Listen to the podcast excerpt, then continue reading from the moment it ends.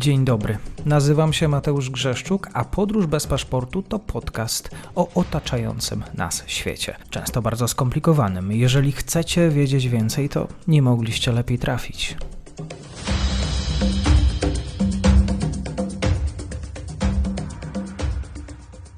Dzień dobry Państwu, dzień dobry wszystkim słuchaczom. Dzisiaj mam po raz pierwszy przyjemność gościć dr Bartosz Sobotka z Fundacji Solidarności Międzynarodowej. Będziemy rozmawiać o grudniowym raporcie OECD, przeglądzie polskiej współpracy rozwojowej. Kłaniam się, dzień dobry. Dzień dobry Panu, dzień dobry Państwu. 20 lat funkcjonowania tego systemu, który jeszcze 20 lat temu był w powijakach. Może zapytam tak na początek, jak sobie Polska wyobrażała tę pomoc rozwojową. Dzisiaj wzrok kierujemy w stronę Ukrainy, a te 20 lat temu? Myślę, że to jest bardzo dobry, bardzo dobry moment i bardzo dobry czas, żeby porozmawiać właśnie na temat y, pomocy rozwojowej. E, te 20 lat y, tworzenia się polskiego systemu, to można powiedzieć, że nasza polska pomoc wychodzi z tego okresu e, dziecięcego, a nawet z okresu dojrzewania i powinna stawać się takim podmiotem, takim, takim tworem, który jest już w pełni ukształtowany, wręcz dojrzały. Natomiast e, te wyobrażenia, znaczy trudno jest mówić o wyobrażeniach, jakie były wyobrażenia 20 lat temu i jakie powinny być teraz, ale mam nadzieję, że o tym porozmawiamy. Trzeba zderzyć z sytuacją, że system jako taki jest tworem bardzo dynamicznym, się tworzy, a z racji, z uwagi na fakt, że pomoc rozwojowa jest elementem polityki zagranicznej państwa, powinna być elementem e, polityki zagranicznej państwa, to ona musi odpowiadać na wyzwania, na cele tejże polityki zagranicznej, prawda? E, zagranicznej polityki e, państwa. No i tutaj jak zdajemy sobie sprawę, że jeżeli cele mogą się w jakiś sposób zmieniać, tak i te narzędzia powinny być w odpowiedni sposób dobierane i tylko i wyłącznie kwestia jest tego, czy te narzędzia w odpowiedni sposób działają, czy one są skuteczne, czy one są efektywne. Myślę, że warto sobie wyobrazić na samym początku tej naszej rozmowy, o jakich liczbach my mówimy, tak, żebyśmy, żebyśmy wiedzieli, co tak dokładnie ta pomoc rozwojowa jest i jakimi liczbami możemy operować. Średnio 4 miliardy złotych rocznie w tym momencie gdzieś wynosi pomoc rozwojowa Polski. Natomiast w 2022 roku ta pomoc z uwagi na olbrzymi wysiłek polskiego społeczeństwa, ale nie tylko społeczeństwa państwa, było to około 15 miliardów złotych, także to są już te bardzo, bardzo duże, bardzo pokaźne sumy. Także myślę, że tutaj to jest, to jest takie istotne, żeby, żeby, żeby zrozumieć. A wracając do pytania, no przede wszystkim pomoc rozwojowa powinna być skuteczna. Pomoc rozwojowa powinna być skuteczna i efektywna. I e, ważne jest chyba, żeby sobie też wyobrazić, że ta pomoc rozwojowa jest dzielona tradycyjnie na takie dwa kanały. Jest kanał bilateralny, e, działania polskiego rządu dedykowane dla poszczególnych państw partnerskich.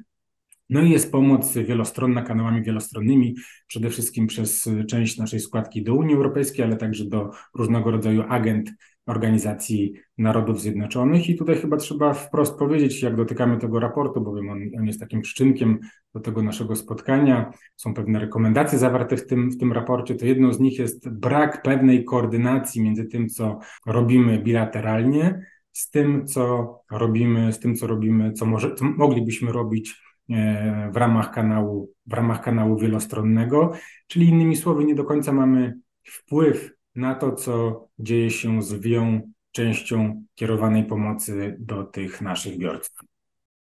Czyli tak naprawdę wieloletnia pomoc rozwojowa to nie tylko pieniądze, ale taka tak naprawdę strategia wydawania pieniędzy, mieć coś, mieć wartość dodaną tego, że wspieramy konkretne kraje. Myślę, że e, tak jak powiedziałem, Pomoc rozwojowa, chociaż y, można zaryzykować takie stwierdzenie, już powinna być, już powinna mieć ten wymiar takiej do, dojrzałego elementu polskiej polityki rozwojowej, no jest niedo, nie, niedoceniana. To też wynika, to też była jedna z rekomendacji, jedna z sugestii, które, które wybrzmiewają z tego raportu, z tego raportu OECD. I myślę, że to jest też y, o tyle istotne, że e, ten instrument nie był do końca w taki sposób wykorzystywany, jakby mógłby być. No i myślę, że to jest też e, taka kwestia, że tak jak mówimy o pomocy rozwojowej, to bardzo często pomoc rozwojowa kojarzy nam się z pomocą humanitarną, czyli z czymś takim, co jest odpowiedzią na działanie tu i teraz. A e, pomoc rozwojowa jest to taki, są to takie działania, które są obliczone w długim terminie. Innymi słowy, jest tutaj różnica między wędką a rybą. Tak? Tutaj dajemy rybę, a tutaj powinniśmy dawać wędkę. I gdzieś to ginęło, można powiedzieć, w tej debacie, w tej debacie publicznej. Osoby, podmioty, które przez 20 lat w jakiś sposób tworzyły ten polski system pomocy rozwojowej. Na początku, przypomnę, powstał bodajże Departament w 2005 roku, w Ministerstwie Spraw Zagranicznych bardzo dużo NGO-sów było zaangażowanych. No ale nie do końca, nie do końca ten głos y, tej grupy osób, która chciała za małe środki robić bardzo duże rzeczy, na samym początku nie był nie był tak mocno wychwytywany, można powiedzieć jako pewną anegdotę, że sam, sam departament miał siedzibę w piwnicy w gmachu na Szucha, tak? Także jak możemy, możemy sobie tutaj wyobrazić to niedocenianie, to też w takiej, w takiej formule, w takiej formule metaforycznej. Myślę, że bardzo ważne jest to, na, to, na co Pan zwrócił uwagę, na temat, w jaki sposób ta pomoc powinna być skuteczna i co to oznacza, prawda? Na przestrzeni kilkudziesięciu lat w dorobku Unii Europejskiej, ale innych bardziej zaawansowanych donatorów, no, wykreowały się takie sformułowania, które są bardzo istotne, jak mówimy o sformułowania kategorii, jak mówimy o pomocy rozwojowej. Mam tu na myśli kraje partnerskie, w ogóle stąd ta cała historia, że nie mówi się teraz o pomocy rozwojowej, tylko mówi się o międzynarodowej współpracy na rzecz rozwoju, co oznacza pewne upodmiotowienie partnerów y, tej pomocy, czyli biorców pomocy, żeby te kraje w jakiś sposób również definiowały swoje potrzeby pomocowe. Także y, kraje partnerskie jest to bardzo, ważna, bardzo ważny element y, agendy, a z drugiej strony są to specjalności, specjalizacje. Czyli nie może, innymi słowy, nie może być tak, że wszystkie państwa dają jednemu państwu, tak, oferują pomoc, tylko zgodnie z zasadami efektywności polityki rozwojowej Państwa powinny definiować swoje kraje partnerskie i definiować te specjalności, w ramach, której, w ramach których taką pomoc y, oferują. No tak, żeby nie było takiego, takiej sytuacji, tak jak powiedziałem, że e, wszystkie państwa dają jednemu, jednemu biorcy w jednym, w jednym jakimś sektorze, w jednej jakiejś dziedzinie. W, w, ramach naszego polskiego programu pomocy rozwojowej tymi krajami partnerskimi od samego początku były kraje bliskie, kraje bliskie, Ukraina, Białoruś, Mołdawia, Gruzja. Oczywiście w poszczególnych latach były to także kraje afrykańskie, ale powiedzmy sobie szczerze, raczej to oddziaływanie nie było, nie było takie, takie istotne. I tutaj myślę, że należy się zgodzić, że e, ten wybór, katalog państw, które są E, beneficjentami Polskiego Programu Pomocy Rozwojowej jest słuszny, skuteczny, wręcz spójny z zagraniczną polityką, zagraniczną polityką państwa. Natomiast wracając do tego raportu, w dalszym ciągu, i to od kilkunastu lat się pojawia, że powinniśmy jeszcze ograniczyć ten katalog państw, żeby być po prostu bardziej skuteczni, bardziej efektywni i to samo tyczy się tych specjalności, tych dziedzin, w ramach których, w ramach których możemy tą naszą pomoc świadczyć nawiązując do Pana wypowiedzi, Polska musiałaby znaleźć e, dla siebie jakiś konkretny wytrych, jakiś mały obszar, które być może nie inwestują inne kraje Zachodu, czy nie tylko Zachodu, kraje rozwijające się, których, e, który zapewniłby jej może jakąś unikalność, e, w jakiś sposób unikalność tej pomocy. Wspomniał Pan o tym, że pieniądze często są przeznaczane na te same obszary, na te same projekty, czyli my musielibyśmy zrobić sobie powiedzmy mapę naszej, naszego wsparcia, mapę potrzeb naszych partnerów i wejść tam, gdzie jeszcze nikogo nie ma i ewentualnie tutaj wywierać jakiś wpływ.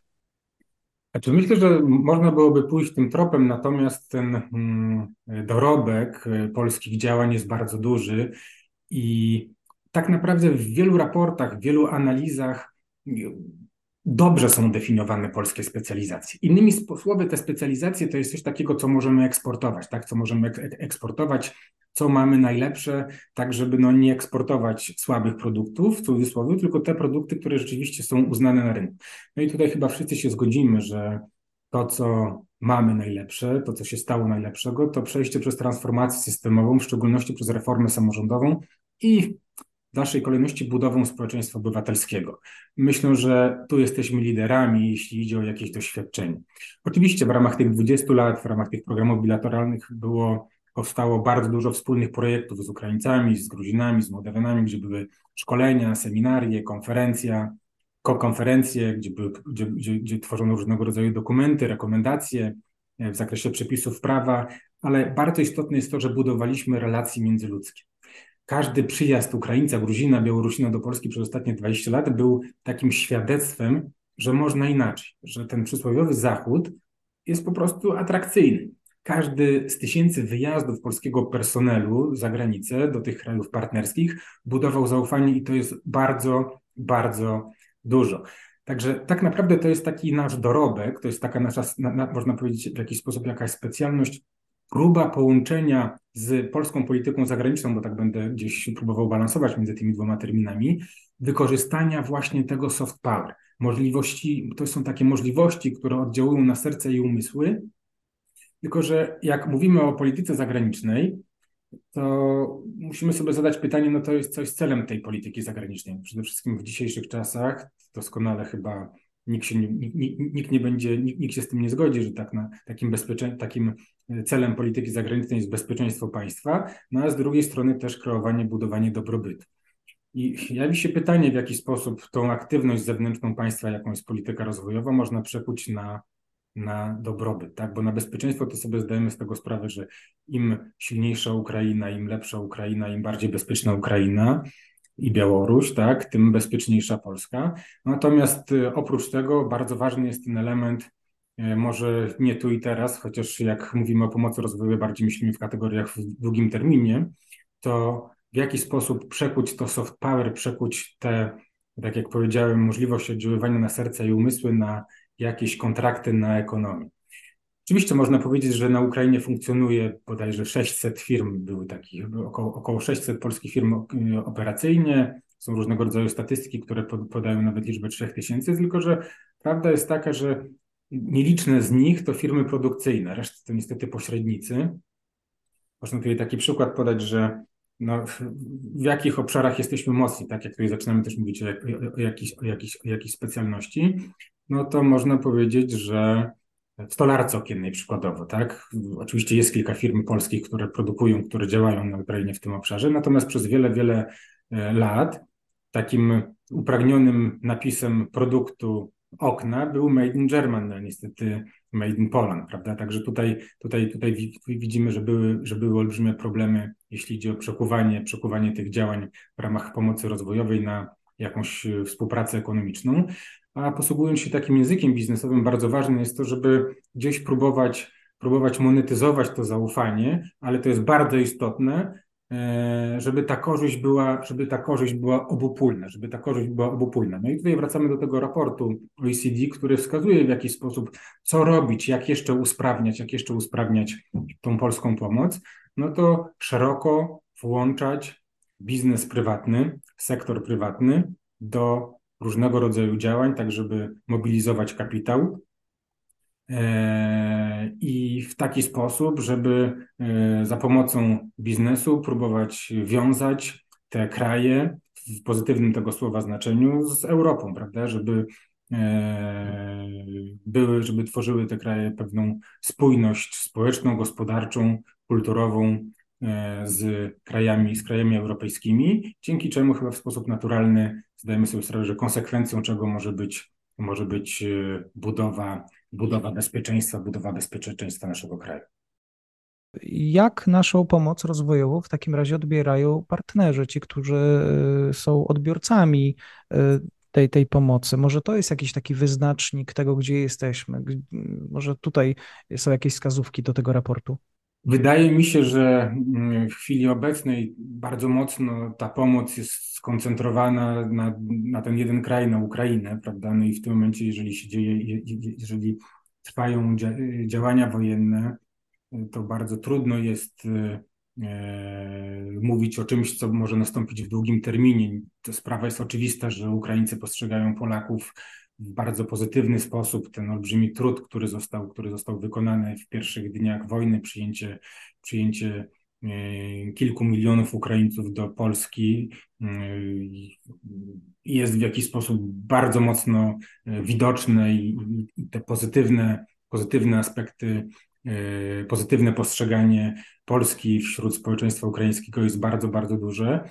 Natomiast polityka rozwojowa polityka rozwojowa no, ma ten wymiar polityczny, prawda? Ma wymiar polityczny. Jak mówimy o pomocy rozwojowej, to mówimy też o kontaktach między, międzypaństwowych, e, międzyrządowych. No w tym momencie zdajemy sobie z tego sprawę, że jest pewien, może nie, nie powinienem tego w taki sposób nazywać, ale to chyba jest, można, można to nazwać pewien kryzys w relacjach, w, relacjach Polski i Ukrainy. I ta percepcja tych działań no, może być w jakiś sposób zaburzona, ale to jest sprawa jasna, są, są działania, działania wojenne. Myślę, że o wiele, o wiele ważniejsze jest to, żeby, żeby zadać sobie pytanie, to w takim razie, jak wyglądają perspektywy. I myślę, że tutaj chciałbym zwrócić u, u, uwagę. Raport y, OECD tak bardzo na to nie wskazuje, natomiast chyba wszyscy się zgodzą, że jest olbrzymi, że jest to dobry punkt w tym momencie, żeby o tym rozmawiać, żeby próbować gdzieś przestawić y, te mechanizmy polskiej pomocy rozwojowej być może na trochę inne tory, bo to jest takie momentum, prawda? Jest to momentum teraz albo nigdy. Oczywiście trzymamy kciuki za zakończenie wojny w Ukrainie i zdajemy sobie z tego sprawę, że będzie przychodzić olbrzymia pomoc też przez Polskę z krajów innych, z innych y, donatorów w celu odbudowy Ukrainy. No i teraz jest tak naprawdę ten czas, żeby zapełnić to zaufanie, żeby zapełnić to zaufanie, które jest między, społecze między społeczeństwami, treścią. Te przykładowo setki, tysiące relacji z postacią miast partnerskich, które mają polskie miasta z miastami ukraińskimi, y, wspólne zrealizowane przedsięwzięcia, te, te, te przedsięwzięcia, te projekty miękkie, polskie NGOsy, które mają olbrzymie wpływy, olbrzymie, yy, olbrzymią ilość partnerów w tych krajach, w, na Ukrainie, w Białorusi, yy, powinny nieść tą pomoc, między, ten międzynarodowy wysiłek pod flagą polską, a nie jako kontraktowi pracownicy tak zwanych brygad Mariotto z Niemiec, USA czy Francji. I też można sobie zadać pytanie, w jaki sposób, jak y, inni donatorzy z innych krajów, jak nie wiem, Kanada, czy też Japonia, jest taka agencja JICA, czy, czy te kraje będą tworzyły swoje, trzeba zadać sobie pytanie, czy te kraje będą tworzyły swoje field, field missions na Ukrainie, czy może będą korzystały z polskiego know-how. Raczej będą szukały tutaj partnerów wśród polskich NGO-sów, polskich aktorów zaangażowanych w pomoc rozwojową. I tutaj można chyba też sparafrazować takie e, oczywiste mm, zdanie, że jak kiedyś mówiono, że kierowcy tirów z Europy Zachodniej nie będą zapuszczali się na drogi Europy Wschodniej, a wynik, to znaczy ten towar musi być w jakiś sposób dowieziony. I także to jest bardzo dobry czas, żeby ten nasz dorobek, y, który jest tym dorobkiem instytucjonalnym, tym dorobkiem relacyjnym, wykorzystać, bowiem chyba nie możemy dopuścić do takiej sytuacji, że będziemy tylko pewnym hubem logistycznym innych państw, takim składem budowlanym, a tych korzyści obopólnych, raz jeszcze to jest bardzo ważne, żeby, żeby podkreślić, nie będziemy, nie będziemy wykorzystywać. Także to leży jak najbardziej w naszym interesie, żeby działać na rzecz, działać na rzecz Ukrainy i angażować się, i angażować się w, tą, w tą pomoc. Im bogatsza Ukraina, tym e, lepiej rozwijająca się Polska, nie mówiąc już o tym, że będziemy oczywiście o wiele bardziej, o wiele większe będzie bezpieczeństwo tutaj po 20 latach można w jakiś sposób e, przesiąść i przemodelować cały system udzielania pomocy, być może pomyśleć o jakichś zmianach legislacyjnych czy strukturalnych, albo też pomyśleć e, o tym, e, jakie nowe instrumenty wdrożyć.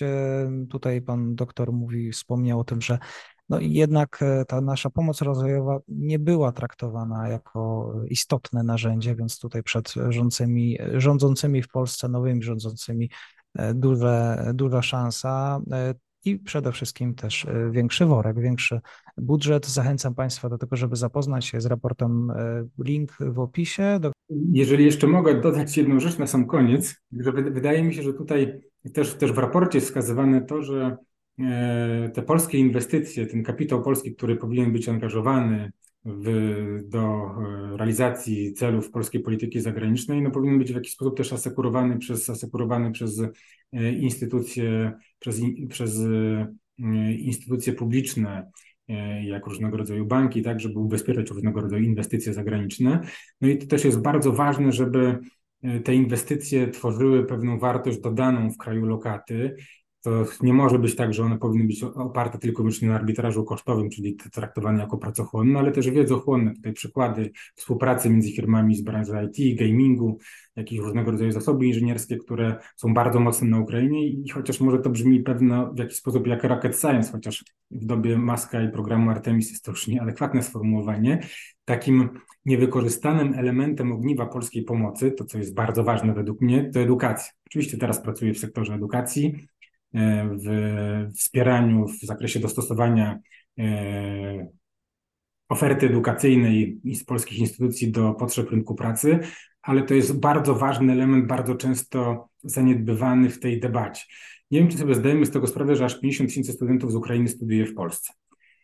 Jest to tak olbrzymia przewaga nasza, jest to tak olbrzymi kapitał, który może zostać wykorzystany i wracając do tych elementów związanych z polską specjalizacją, jest to, to coś, co powinno być elementem tego nowego programu, tego nowego, tworzącego się programu pomocy rozwojowej, bowiem te 50 tysięcy osób to są naturalni kandydaci do tego, żeby pracować w wspólnych przedsięwzięciach, tak, żeby pracować w wspólnych przedsięwzięciach, żeby oni byli ambasadorami Polski w Ukrainie, Ukrainy, Ukrainy w Polsce.